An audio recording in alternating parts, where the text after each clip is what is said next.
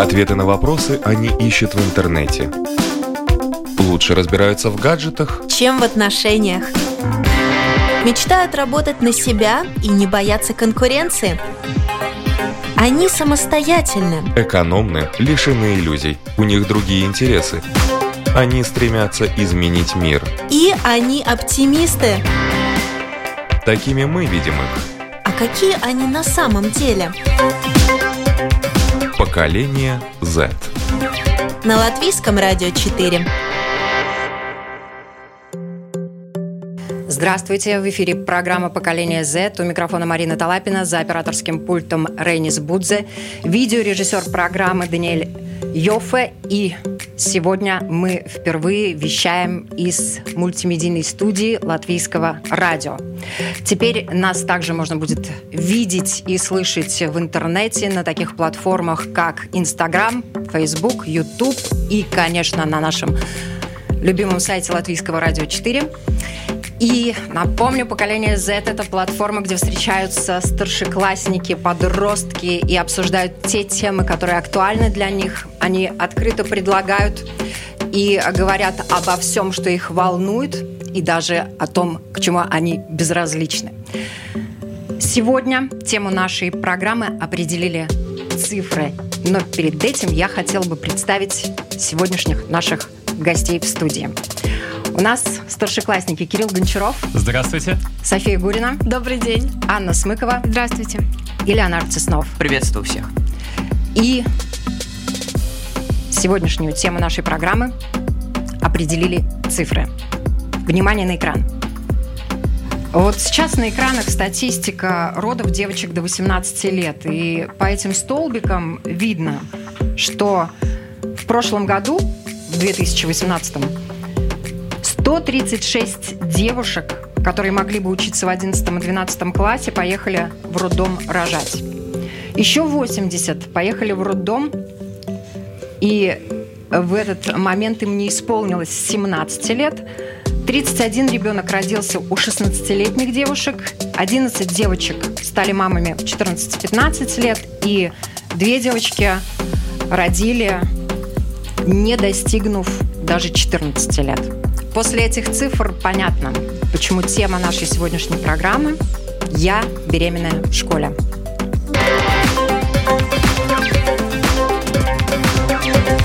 Поколение Z.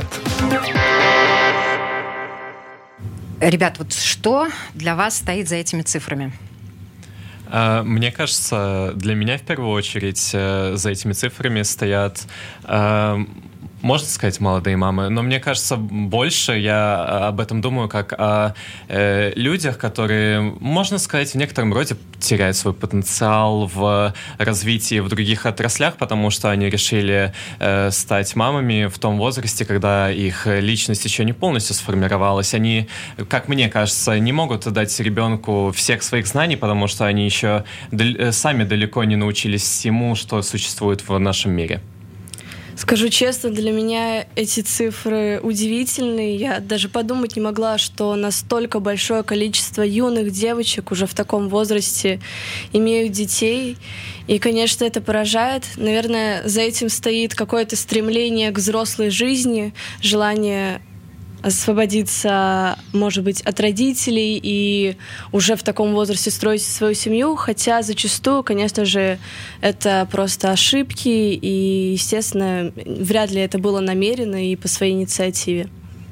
Для меня за этими цифрами стоят э, девушки, молодые мамы, которые э, решили взять на себя такую невероятную ответственность, растить ребенка, будучи сами не совсем взрослыми.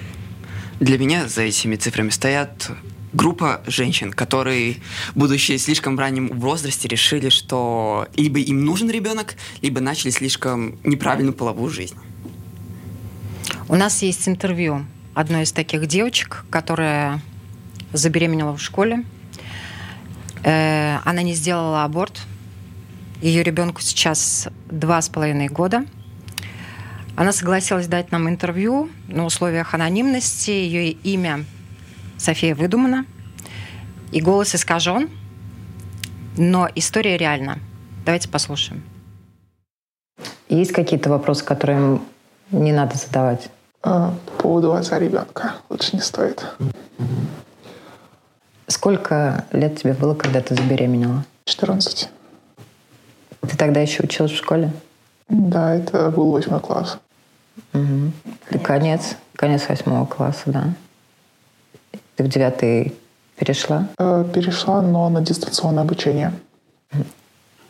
Как вообще вот произошло, что ты узнала, что ты беременна? Это произошло случайно. Ну, в плане, я не знала вплоть до 27 недели. Это решила мама узнать, потому что ей все время все говорили, что что-то она как-то пополняла. То есть я не только то, что живот пополнял, а я все время была пухлая и так равномерно. Вот. И она решила проверить, и оказалось, здравствуйте, я беременна. Но ты не подозревала даже? Нет, то есть вообще никак. Какая реакция была у родителей? А, мама плакала. А папа интересовал только один вопрос, это мальчик или девочка. Они сначала просто не знали, что делать, поэтому это было... То есть все неожиданно, непонятно, почему, как, зачем, куда. Вот, а потом как-то все успокоилось, и они сказали, что но делать все равно нечего, девать ее некуда. Были какие-то разговоры, оставить ребенка, не оставить ребенка? Что да, было такое. То есть я просто понимаю то, что я психологически скорее не справлюсь с этим, и мне как-то неприятно было, то, что вот, все там будут гулять, а я буду сидеть дома с ребенком, ну, и все в таком духе. Но потом как-то то, что нет, я это прошла, как куда я ее отдам? Нет, это мое. Вот. Роддом, роды. Ты это помнишь? Это прошло пять часов где-то было примерно. И на самом деле это было легче, чем я думала. То есть было, да, больно. Мне сделали анестезию, так как я несовершеннолетняя. Она бесплатная, она обязательная. Вот. И скорее было больнее уже потом. Сколько уже получается малышки? Ей уже два с половиной года. Ну, большая девочка уже. То есть бегает и ходит и говорит. То есть у меня был достаточно тяжелый вот этот вот э, где-то года полтора, может быть, вот эта стадия, период принятия того, что да, оно так есть. И с этим нужно или смириться, или, или я не знаю что. Ты рассказываешь своим друзьям, знакомым, вот, э, ребятам, с которыми ты учишься в техникуме, что у тебя есть малышка? Некоторые знают. То есть я не хочу об этом всем подряд говорить, да, то есть те люди, с которыми я общаюсь, ну, более-менее хорошо, вот, я в какой-то момент могу об этом сказать. То есть, привет, у меня есть ребенок. Вот, и если, только если я уверена в этом человеке, то что он нормально к этому отнесется. К чему ты была готова и к чему ты была не готова? И, может быть, до сих пор еще для тебя вот трудно осознать? Изначально я не была готова к тому, чтобы стать матерью, чтобы кого-то учить, э, за кем-то постоянно смотреть. Я и сейчас не готова за кем-то постоянно вот смотреть, потому что я такой человек, которому нужно оставаться наедине с собой хотя бы час или два в день. И мне это очень сложно, потому что она везде рядом, она все время ко мне бегает, она что-то говорит, что-то делает, и мне нужно за ней смотреть. И вот это для меня, вот это конкретно вот эта часть для меня очень сложная, а все остальное достаточно просто. То есть мне нравится с ней играть, я люблю с ней читать книжки, там, даже гулять, мы с ней разговариваем. Вот, то есть мне нравится ее учить там. Э, она, бабушка, дедушка еще ее учат латышскому языку, я ее учу русскому и английскому языку. То есть вот это мне тоже очень нравится. Вот. А вот то, что у меня нет времени как на себя побыть в одиночестве, это, это да, это сложно принять тебе помогают справляться а, родители, это, наверное, действительно очень хорошее э, подспорье, да, ну, такая помощь mm-hmm. очень большая. Вот, ну, ты вообще, если бы ты оказалась одна в такой ситуации? У меня был просто один вариант, что если родители скажут, что нет, то я бы, скорее всего, ее бы отдала. Есть такая программа Baby Box, куда маленьких детей можно отдавать, и забирать другая семья. То есть я бы об этом пожалела, но у меня, был, у меня было бы просто варианта. Потому что в таком случае я бы не смогла ее содержать. И Просто лучше уж она будет жить, находиться в другой хорошей семье, чем со мной, но вот так. Как ты вообще себя оцениваешь до того, как ты забеременела и родила, и вот сейчас? Ну, я стала более рассудительной, коммуникабельной и мудрее, я думаю. То есть у меня больше тяга сейчас к знаниям, чтобы не только самой как бы умнее стать, чтобы я ребенка могла чему-то научить. Что бы ты сказала девчонкам молодым, маленьким? Может быть, что бы ты сказала своей дочери? Вот к чему ты будешь ее готовить? Это же жизнь, да. Всегда предохраняйся, и всегда все должно быть по обоюдному согласию. Если кто-то говорит, что ты должна сделать это, или я тебя уйду, не делай, пускай он уходит. Ты найдешь лучше. Всегда. Может быть, это звучит как клише, но да, так оно и есть. Поэтому, если ты этого не хочешь, этого делать не надо. Ты доверилась молодому человеку? Я доверилась, это вот что произошло. То есть лучше довериться самой себе и сказать, что нет, я не хочу, до свидания, уходи, чем вот сделать и, так скажем, возможно, поломать себе жизнь, потому что неизвестно, что может случиться. Кого-то могут выгнать за это из дома, поэтому когда не знаешь, как родители отреагируют, как, как что пойдет. Лучше заранее подумать, чем что-то делать. Меня скорее просто спрашивают, каково это, как это было. Я просто говорю, было больно. Это не стоит того, чтобы в 17 лет, 15, 16, неважно, вот в таком раннем возрасте нет. Лучше не надо.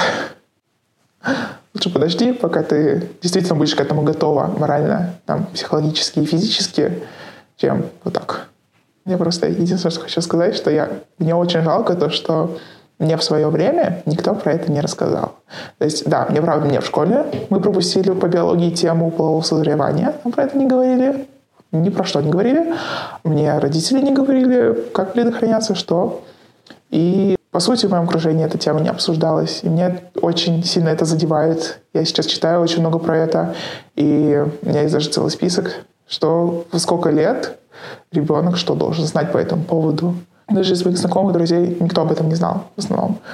И то, что неприятный момент, то, что я слышала от своей матери, она говорила, то есть у тебя был интернет, ты могла посмотреть. Такая, мне было 13 лет, мне было 14 лет. И, ты думаешь, я об этом думала? Я об этом не думала. Вот, то есть вот эта вот тема меня очень сильно задевает, что в школах об этом хотя бы нужно говорить. Ты обозначила очень серьезную проблему. То есть, получается, в школах об этом либо слишком мало говорят, либо вообще не говорят. То есть взрослые с подростками на эту тему и с детьми не разговаривают вообще. Как я уже говорила, у нас по биологии эту тему вообще пропустили. В учебнике она была, мы о ней не говорили. Мы говорили о жуках, о грибах, обо всем, но не об этом.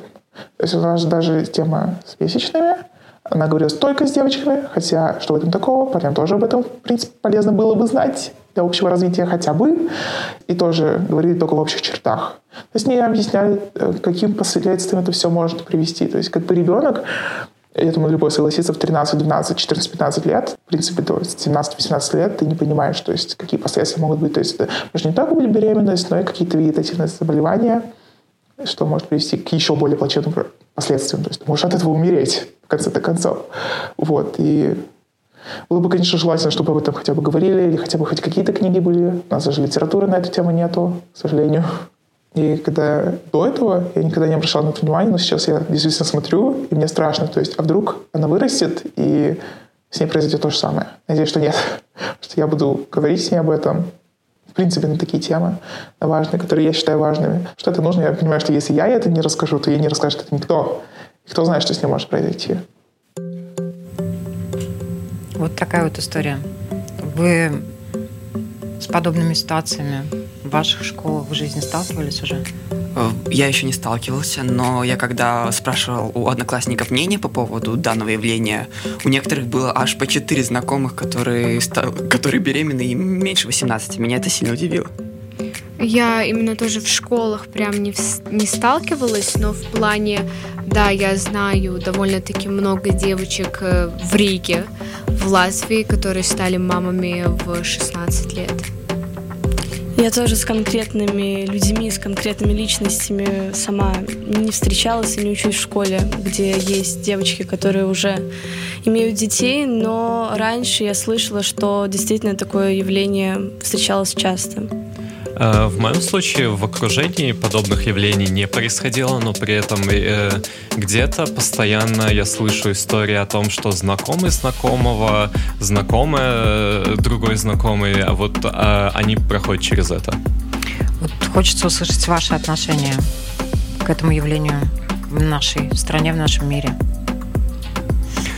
Когда я спрашивал, когда я у одноклассников спрашивал мнение по поводу этого же вопроса, мне задали отлич... мне спросили мое мнение, и тогда я понял, что да, это надо подготовить. Так вот, если бы это был ребенок от меня, я бы правда попытался помочь его вырастить и думаю, что противостоял аборту, потому что ну, аборт это неправильно, хоть я и считаю, что женщины должны иметь право на аборты, но все равно я бы хотел, чтобы он вырос. Я считаю, что каждый должен иметь возможность решать, потому что не у всех будет так, что их семьи, к примеру, это примут, или еще что-то, или кто-то вообще будет готов растить ребенка, потому что все-таки ты отвечаешь за чью-то жизнь, за целую жизнь человека, который проживет там 70-80 лет и оставит какой-то след на этой земле. Ну, если бы так в жизни сложилось у меня, то я думаю, что я бы оставила ребенка, но в плане том, что я думаю, если бы я решалась вот в таком возрасте на половые отношения, скажем это, назовем это так, то я бы была, наверное, готова к тому, что мне придется растить ребенка. Мнения моих окружающих людей на этот счет расходятся.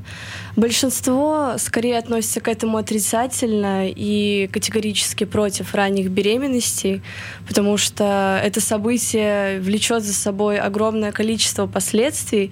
Как и было упомянуто в нашем интервью, от этого в первую очередь страдает образование и личная жизнь самой девочки. Э, сложно представить. Жизнь от этого меняется кардинально после рождения ребенка на все 360 градусов. И не у всех есть возможность совмещать рождение ребенка вместе с учебой. Помимо этого надо развиваться как и самой, так и передавать свои навыки и знания своему малышу. А поскольку ты сам еще ребенок, далеко не во всех случаях хватает опыта на то, чтобы действительно вырастить достойного человека. Но я думаю, что везет тем, у кого рядом есть авторитетные родители. И, естественно, в таких случаях их, их помощь обязательно должна быть и без их э, поддержки невозможно справиться. Главное, чтобы семья мыслила одинаково, и чтобы все вместе были готовы помочь э, девочке вырастить и справиться с ребенком. Э, в моем случае у меня достаточно смешанное ощущение по этому поводу, потому что я считаю, что до, того, до той поры времени, пока у этой, э, эта девушка сама решила то, что она хочет быть мамой, и у нее есть какого-либо рода поддержка, то тогда мне кажется, что пускай она делает то, что она хочет. Если она приоритизирует э, семью в своей жизни уже в таком раннем возрасте, то, по-моему, это достаточно хорошая вещь. Но, э, к сожалению, такие случаи — это единицы из э, всего того, что было выше упомянуто, и тогда у меня э, рождаются сомнения о том, что ребенок, который вырастет в такой семье, где мать, э, она будет пытаться что-то делать, но она тайно все время будет думать о том, что она не хотела такой себе жизни, то какой получится из этого ребенок. У нас есть интервью директора Зулютутской гимназии Светланы Семенко по нашей теме. Давайте послушаем. А сколько лет вы работаете? Много. Я работаю школах с 1970 года. А в этой школе... Это почти 50 ее, лет. Да. В этой школе со дня ее основания. Хорошо. Были ли такие случаи, когда ваши учащиеся были беременны? Да. Как школы... Ну, как, как вы реагировали как от имени школы на это? Я пыталась э, помочь и сделать все возможное, чтобы эта девушка школу закончила. А что делали обычно? Что девушки? делала обычно? Ну, в общем-то, это достаточно редкие э, два, по-моему, в моей жизни были случаи. Да ничего не делала. Спрашивала, как она себя чувствует, э, старалась помогать, чтобы особо она не нервничала. Ну и все. Человек учился. Хорошо. Вы как э, мать, наверное, и учитель, как надо реагировать родителям на подобные случаи? Мне трудно сказать, как реагировать. Э, если ты не уберег своего ребенка. И если беременность э, неожиданная, то мне кажется, что первого ребенка все равно всегда надо рожать. Моей э, практике и, скажем, на протяжении жизни я встречала многих женщин, которые потом, после первой, э, первого аборта, не могли иметь детей. В моем понимании дети это, это счастье, это смысл жизни, это то, ради чего стоит жить. Но это я так понимаю, да, и считаю, что без детей жить нельзя.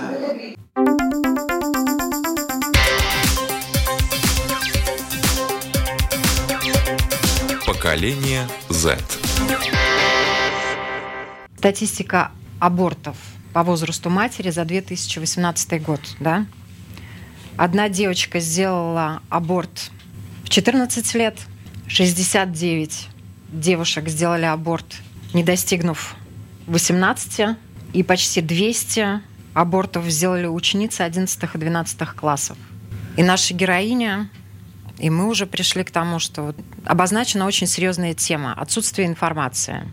С подростками об этом практически не говорят в школе и практически не говорят дома – да, вот где вы берете информацию по этой теме, о половой жизни, о начале сексуальной жизни? Ну, мне достаточно повезло, потому что э, моя мама меня осведомляет в этом плане. Но она на меня не давит в, то, в том плане, что ты должна это учить, ты должна знать, но она так э, иногда может вскользь упомянуть, что так было бы хорошо делать, даже если я это и знаю. И мне еще повезло то, что в школе пусть э, нам не подробно так все не рассказывали, и мы не говорили про это, но нам давали литературу, которую мы могли сами прочитать, потому что многим также в классе было очень дискомфортно слушать от учителя такую информацию. Я знаю многих ребят, которые, в принципе, не хотят с родителями именно об этом разговаривать. Вот э, вопрос тоже рождается. Почему взрослые все-таки обходят эту тему, что в школе, что дома. Дать бумажку, которую, может быть, кто-то прочитает, кто-то нет, это же тоже, в принципе, мне... Такое лирическое отступление. Ну, спасибо, хоть бумажка. Да. Мне кажется, мы боимся об этом говорить в обществе. Даже сюда прийти, это было немного э, сражение с самим собой, потому что надо говорить о такой теме на радио, и это немного пугает. Мног... С многими сложно об этом говорить. Когда я, к примеру, начинал опрашивать одноклассников по поводу этого, они все начинали смущаться, потому что как бы не принято об этом говорить. В этом проблема. Если мы начнем говорить о половом воспитании, о контрацептивах и всем связанном с этим, это может пропасть. Потому что по статистике большинство же случаев подростковой беременности связано это с отсутствием подобающей информации. Мне кажется, также в общем это проблема нашего общества, которая сейчас, конечно же, идет вперед, и мы начинаем все больше говорить про эти проблемы, эти явления, но при этом э, в, до сих пор остались эти остатки того, что да, э, люди могут заниматься э, сексом только после э, того, как они выйдут замуж или женятся. Э, и также просто это еще остатки тех былых времен, того былого общества, которое было, которое э, верило в именно понятие любви, скорее всего, немного другое и отличающееся от того, что есть сейчас. И э, намного позже они начинали задумываться об этих вопросах, а с тем, как наше общество развивается, эти вопросы становятся актуальными более в раннем возрасте, когда еще никто ни с кем ни о чем не говорит сложилось такое ощущение, будто бы у взрослых и в том числе учителей присутствует какой-то внутренний комплекс и страх затрагивать эту тему с учениками, хотя по большому счету в школу мы приходим для того, чтобы получать знания. И пускай это может быть не очень связано с учебой, с каким-то предметом, но тем не менее это жизнь. И такое, такое тоже должно, на мой взгляд, присутствовать, пускай не в большом количестве, но тем не менее надо затрагивать такие темы, но раз не учителя, то это должно ложиться на плечи родителей. Вот информацию где вы берете? Где ваши сверстники берут информацию? Вообще между собой разговариваете? Скорее всего, сейчас это как-то между собой, э, в собственных разговорах как-то это проясняется. Плюс, поскольку много сейчас уже живых примеров вокруг нас, мы таким образом набираемся опыта и запоминаем то, что все-таки надо учитывать некоторые факторы, чтобы не повторять таких ошибок ошибок. Да, мне кажется, что в основе нашего изучения в этом вопросе это стоит как раз-таки общение с сверстниками, с людьми слегка старше, э, потому что взрослые, как, например, родители учителя, из-за того, что часто они хотят показать свой некий авторитет и чистоту, назовем это так, они не они сторонятся этих тем, и поэтому можно э, реально обсудить э, эти явления только с людьми твоего возраста, потому что а, они не стыдятся этого. Но и в общем в школах еще существует определенная проблема того, что не только учителя боятся это говорить, также ученики это воспринимают как шутку и что-то несерьезное, потому что, предположим, вам рассказывают про венерические заболевания. Э, тема по-настоящему серьезная, а вместо реакции, которая должна быть, вы слышите пару смешков, и на этом все. А что вы между собой, если вот эта тема поднимается и выходит на такой откровенный уровень, о, о чем вы говорите? Ну, а, я не знаю, как у ребят, но, в принципе, в моем окружении о разных контрацептивах. То есть, что лучше использовать, что удобнее и так далее. Что приносит какой-то определенный вред организму. Ну, мы еще не сравниваем способы контрацепции, но мы обсуждаем то, что одно неловкое движение, и ты уже отец. А, то, что надо следить за собой и желательно заниматься сексом только в меняемом состоянии, а не под каким-то из опьянений. Кто-то из взрослых вообще пытался с вами на эти темы говорить? Ну, Попытки у родителей, учителей, а слабые, сильные, удачные, неудачные были? Отец, отец напоминал не забывать пользоваться презервативом, если вдруг понадобится. Э, мама упоминала и тот э, из-за того, что я хотела разрушить некую такую блок между нами, и я начала на самом деле эту тему, и только потом она открылась и да, поговорила со мной. Так же, как и ребята, эту тему я обсуждала только с мамой, и в принципе и так без этого я уже все понимала и знала, лишь она напомнила мне о том, что обязательно надо следить и думать над своими поступками, прежде чем их совершить очень-очень-очень много раз. Э, в моем случае я не общался со своими родителями на эту тему вообще. И в основном это связано с тем, что э, коммуникация на подобную тему вызывает там слишком сильный дискомфорт, хотя я всегда открыт к разговору, как, по крайней мере, мне кажется. И поэтому не было никакой информации от них. Мы встретились с одним взрослым человеком, который уже много лет принимает роды в нашем рижском роддоме, в том числе и у несовершеннолетних молодых мам. Это доктор медицины, доцент кафедры родовспоможения и гинекологии, заведующий родильным центром Рижского роддома, акушер-гинеколог Анна Мыскова. Давайте послушаем, что она нам рассказала. Здесь вот нам нужно с вами понять одну вещь. Э, для нас что такое ранние роды? Формально до 18 лет человек – ребенок. Но если мы посмотрим, э, как женщины жили 100 лет назад и 200 лет назад, и как они сейчас живут сейчас в некоторых других странах, то, в общем-то, 18 лет э, – это женщина, которая может рожать у которой нет никаких каких-то таких отличий от женщин, которые 19 лет или которые 17 лет. Так что каждый случай индивидуален. Поэтому я думаю, что здесь нам нужно разделить э, роды э, до 16 лет и 17-18 лет. Поэтому это совсем другая возрастная группа. Я думаю, что здесь все зависит еще от физиологических особенностей. Специально для вас мы посмотрели нашу статистику в этой группе. Получается, что э, количество осложнений в родах у них даже меньше, чем у всех остальных женщин. И количество кесаревых у них тоже меньше. Есть э, статистика, что повышенное давление во время беременности может быть чаще у женщин моложе 17-16 э, лет. Но в любом случае, в любом случае у женщин старше 30 лет это бывает гораздо чаще. Поэтому если мы сравниваем, что здоровее рожать в 17 лет, в 16 лет или рожать в 40 лет, в этом плане, конечно, лучше рожать в более молодом возрасте, потому что все-таки э, вероятность того, что будет высокое давление и другие какие-то осложнения, связанные с беременностью, с возрастом только увеличиваются. То, что касается юридической стороны вопроса, как оформляют детей несовершеннолетних? А, сейчас получается так, что э, до 16 лет Э, девочка должна, не должна, она должна иметь при себе э, какую маму на приеме у гинеколога, и, соответственно, все, что с ней происходит до 16 лет, это должно быть в компетенции родителей.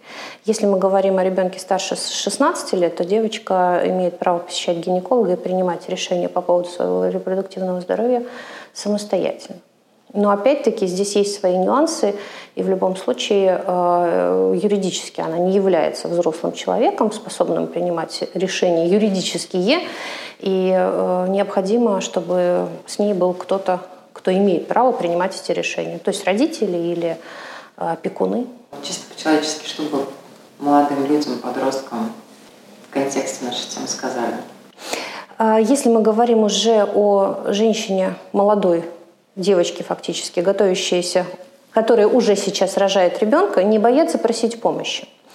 А, мы сталкиваемся с такими ситуациями, когда женщины э, оказываются в информационной изоляции, они оказываются без поддержки семьи, что самое неприятное и опасное. Но на сегодняшний момент при желании получить помощь, эту помощь получить можно. Существуют и кризисные центры, и существуют различные механизмы, психологические службы. Поэтому если такой человек оказался в одиночестве, то и крышу над головой, и кусок хлеба ему дадут и обеспечат. Просто нужно попросить этой помощи. В том случае, если она, конечно, а, отлучена от поддержки семьи. Ну а если есть поддержка семьи, то мне кажется, что вообще ничего особенного такого нет. Родился новый человек, хорошо, семьи стало больше. Смотрели только что с вами перед этим статистику абортов. К сожалению, на аборты в таком возрасте тоже да. идут. Чем чреват аборт в таком раннем возрасте? Ну, я думаю, что э, если нам не нужно сравнивать, что лучше. Нет, ни в коем случае. Или что там здоровее, или что менее рискованно. Э, у аборта тоже есть свои э, особенности. И, конечно, в современных условиях, э, когда у нас развита медицинская помощь, прерывание беременности безопасно целом. Но могут быть свои последствия и для репродуктивного здоровья, и в плане того, что самая главная проблема – это инфекции, и о том, как себя инфекция поведет после. То есть, в принципе, последствия тоже могут быть такие, что что потом будут сложности и забеременеть и так далее. Но это не, это не общее, это совсем небольшой какой-то маленький процент. Я думаю, что здесь все-таки нам нужно больше рассуждать об этом в плане социальной проблемы. И здесь, скорее всего, это больше решение семьи, решение девочки и принимает ли сама девочка решение. Потому что люди могут принять какое-то решение, а потом о нем сожалеть, потому что они его приняли, лучше бы мы там решили по-другому. А иногда бывает, что и нет, они и не жалеют, и говорят, что, наверное, в следующий раз я бы поступила бы точно так же. То есть это личное решение каждого, каждой семьи, как им удобнее, как им лучше, что для них важнее, как им кажется правильнее двигаться дальше вперед и так далее. Я думаю, что да, это только социальная, социальный вопрос скорее. Поэтому э, я вот тоже, у меня сын подросток, мы с ним иногда обсуждаем некоторые темы.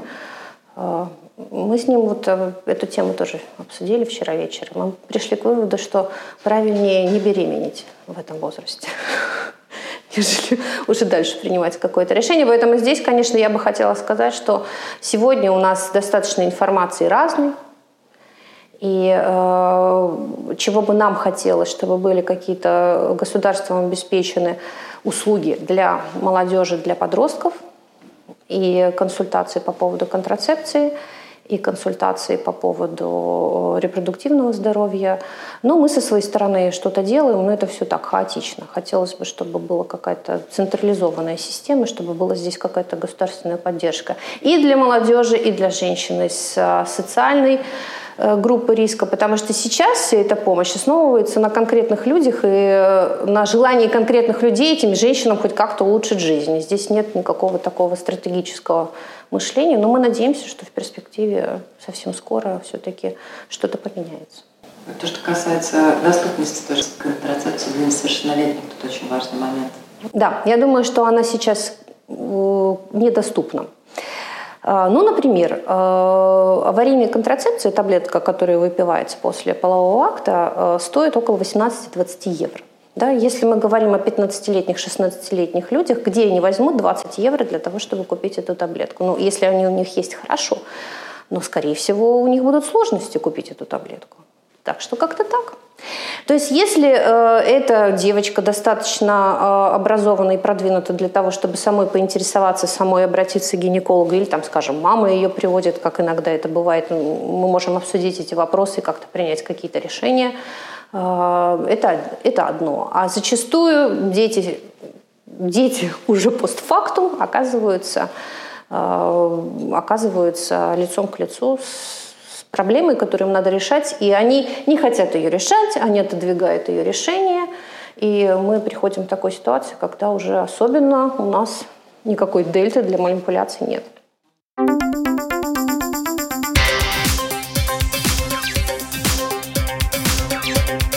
Поколение Z. Вот на ваш взгляд, как вы оцениваете информированность подростков о половой жизни, о начале сексуальной жизни? Я бы сказала, что у нас есть большие проблемы с этим. Во время обсуждения с одноклассниками я заметил то, что мы заметили то, что мы плохо проинформированы про это, то, что с нами родители не так говорят, как мы бы хотели, потому что, ну, а да, они говорят, и в школе говорят, но не так говорят, как мы бы хотели. Например, на классных часах не обсуждают, э, что делать в случае нежданной беременности и так далее. Нам обсуждают, мы постоянно обсуждаем то, что связано с нашей личной безопасностью. Но это мы должны тоже обсуждать.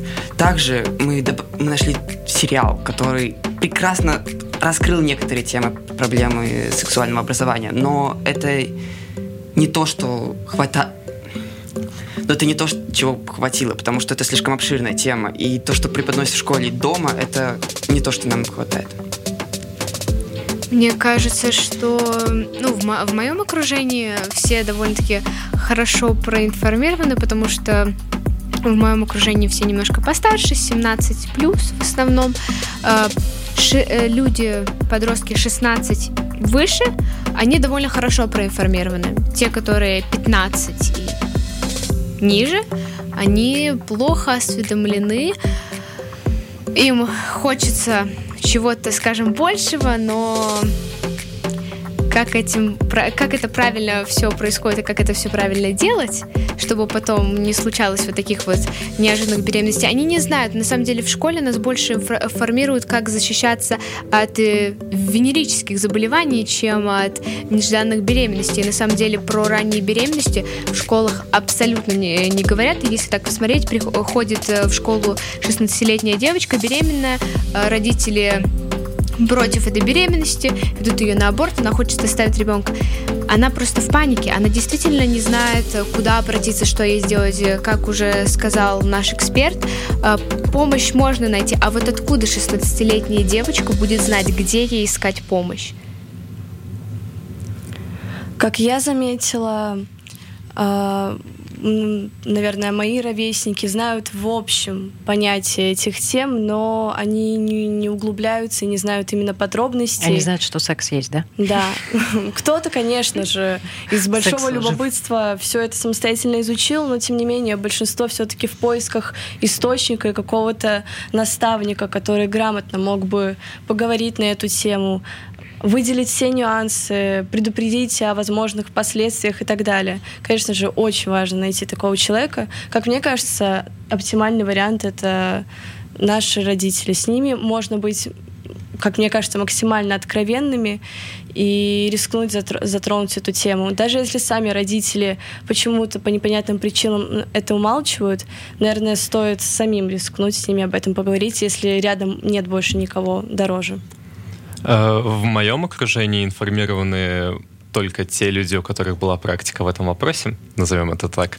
Э, потому что, когда ты общаешься с людьми, которые, у которых не было практики в сексуальной жизни, они обычно вопросы только заканчиваются на том, ой, а во сколько вот ты хочешь, э, чтобы у тебя были дети?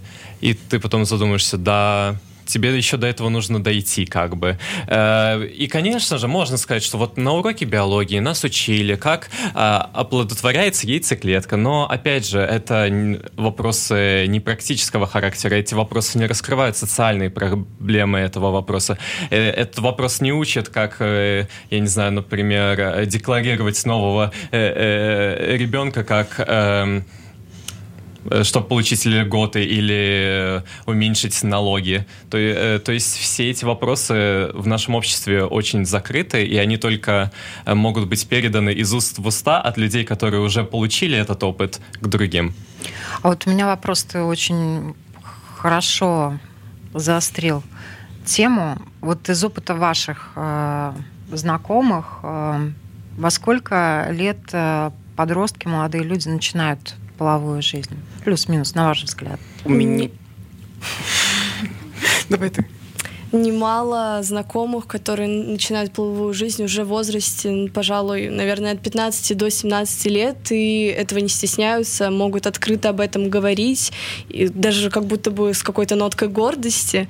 Но когда я встречаю людей, которые много об этом упоминают, мне создается впечатление, будто бы они начали половую жизнь как раз ради галочки, ради статуса, что вот я уже взрослый и умею больше, чем вы. У меня в классе 29 человек. Из них только двое уже имели половой контакт. Это я напоминаю, я в 11 классе 17 лет. Это достаточно значимые цифры. Но по статистике для парней это 17 лет, а для женщин 19.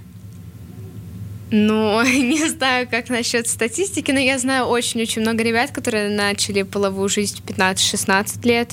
Э, вот. Э, а также, ну, а по сути, парни, они как бы начинают немножко половую жизнь раньше в 15 лет, а девушки действительно позже, там уже в 16 подтягиваются, так сказать.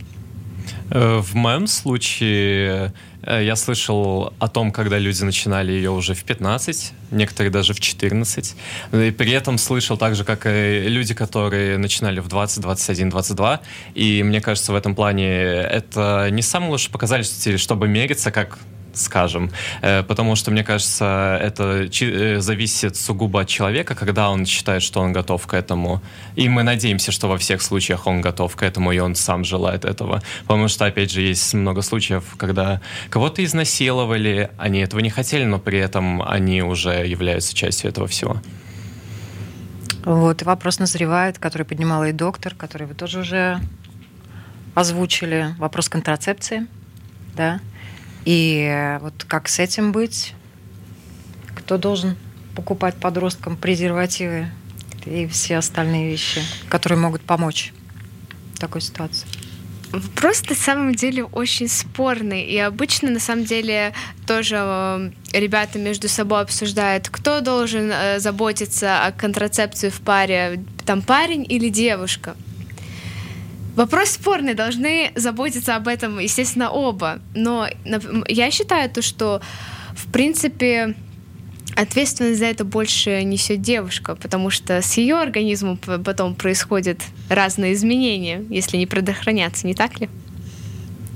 Я считаю, что, как сказала Аня уже, это должно идти с обоих сторон, и мы и пар...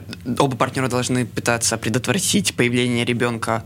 Но по поводу того, кто должен подбрасывать презервативы или ты должен сам их покупать, я считаю... Ну, я бы хотел, чтобы был какой-то запас презервативов от родителей. Но я не хотел, чтобы они знали, когда я ими пользуюсь. Э, мне кажется, что если мы говорим о парах, тогда они должны вместе делать это решение. И тогда уже смотреть, предположим, э, если э, девушке нельзя принимать гормональные таблетки, чтобы парень работал над тем, чтобы их секс был защищен. Но в случае, мне кажется также, что обязательно решение о контрацепции должно быть за самими индивидами, то есть их не должен кто-то кто-то там сбоку пинать, эй, иди купи, э, потому что они должны сами понимать, что они на это идут. Но тут вопрос еще и финансовый, да? То есть не всегда у подростков есть деньги, ну, может быть, там на презервативы есть, но если аварийная контрацепция, доктор обозначила, это около 20 евро таблетка стоит, да, и если вдруг что-то произошло, тот же презерватив порвался, то нужно принимать быстро достаточно решение, и нужно где-то брать деньги. Да, ну, вот. мне кажется, опять же, что в этом случае, да, нужно попросить, если ты не желаешь того, чтобы у тебя появился ребенок. Но это, мне кажется, более крайний случай, потому что в основе люди должны понимать, на что они идут, они должны быть подготовлены. Да, действительно, к этому надо относиться сознательно, и очень важно, чтобы эта сознательность пришла с обеих сторон, чтобы вместе, если уж так сложилось, что вступили действительно в серьезные отношения, то вместе стоит это много, прежде чем начать, много раз обсудить и, естественно, позаботиться о том, чтобы присутствовала контрацепция. Я знаю то, что многие родители, если узнают о том, что их ребенок э, встречает свою вторую половинку, пытаются вмешаться в этот вопрос, навязать им что-то. Э, думаю, что это тоже в какой-то степени не очень правильная позиция, потому что, наверное, это уже личный момент, и это стоит обсуждать наедине. Вот нам сейчас покажут еще один слайд.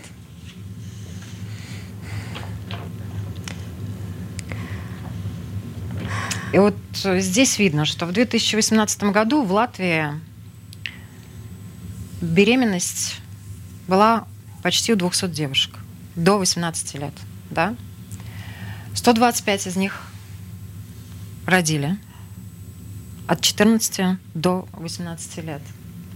70 девушек сделали аборты. Из них больше 30 сделали повторный аборт. Да, то есть это было не первый раз, до 18 лет. Тут опять встает вопрос об информированности. Да? Насколько действительно думают о том, что делают, и понимают, что делают. Да?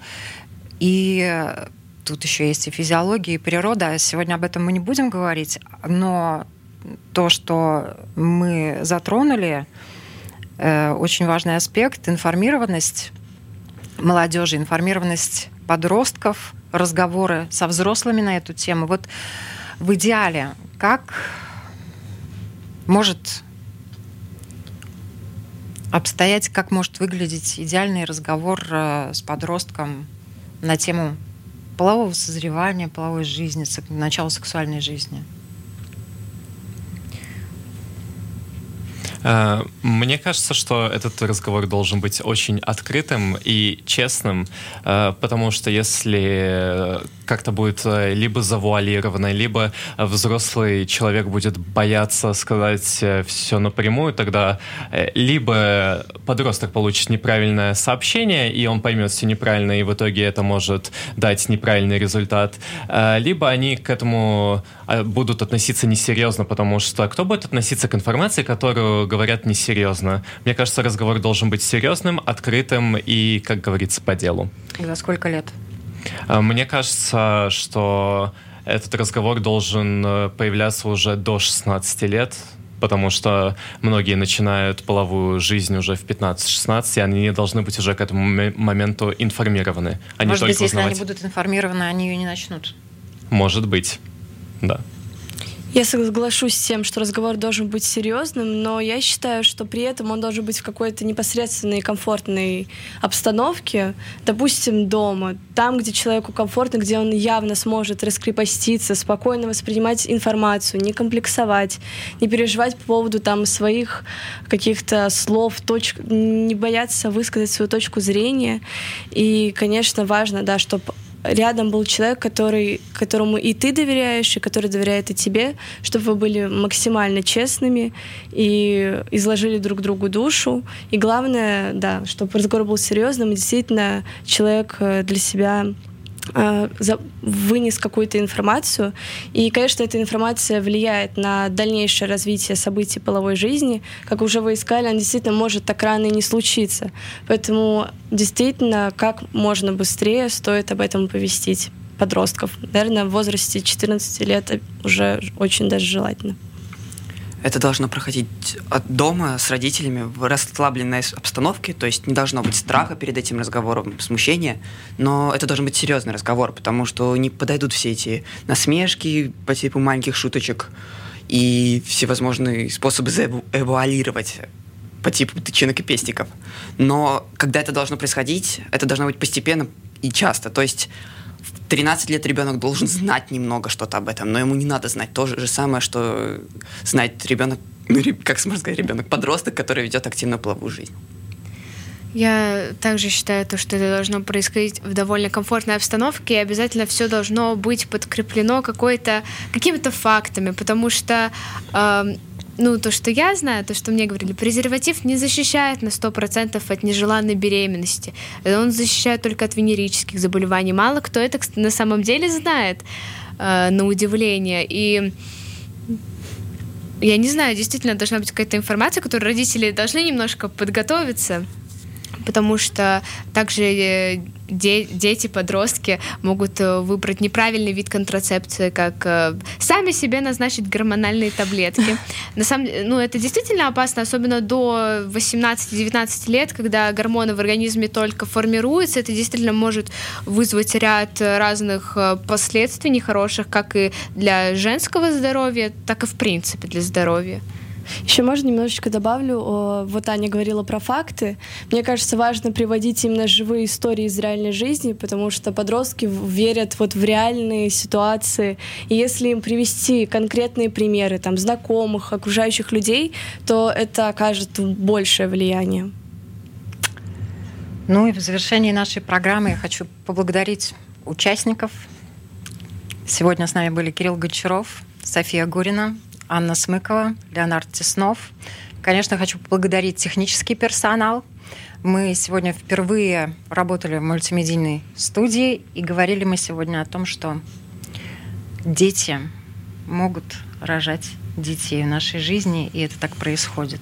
Но отвечают за это взрослые. Кстати, об отце ребенка.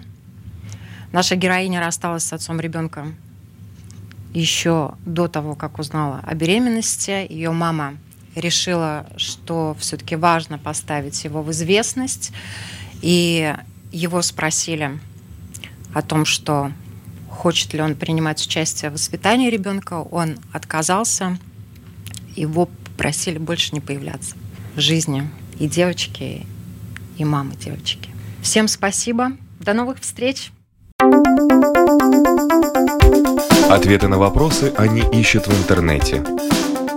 Лучше разбираются в гаджетах, чем в отношениях. Мечтают работать на себя и не бояться конкуренции. Они самостоятельны. Экономны, лишены иллюзий. У них другие интересы. Они стремятся изменить мир. И они оптимисты. Такими мы видим их. А какие они на самом деле? Поколение Z. На латвийском радио 4.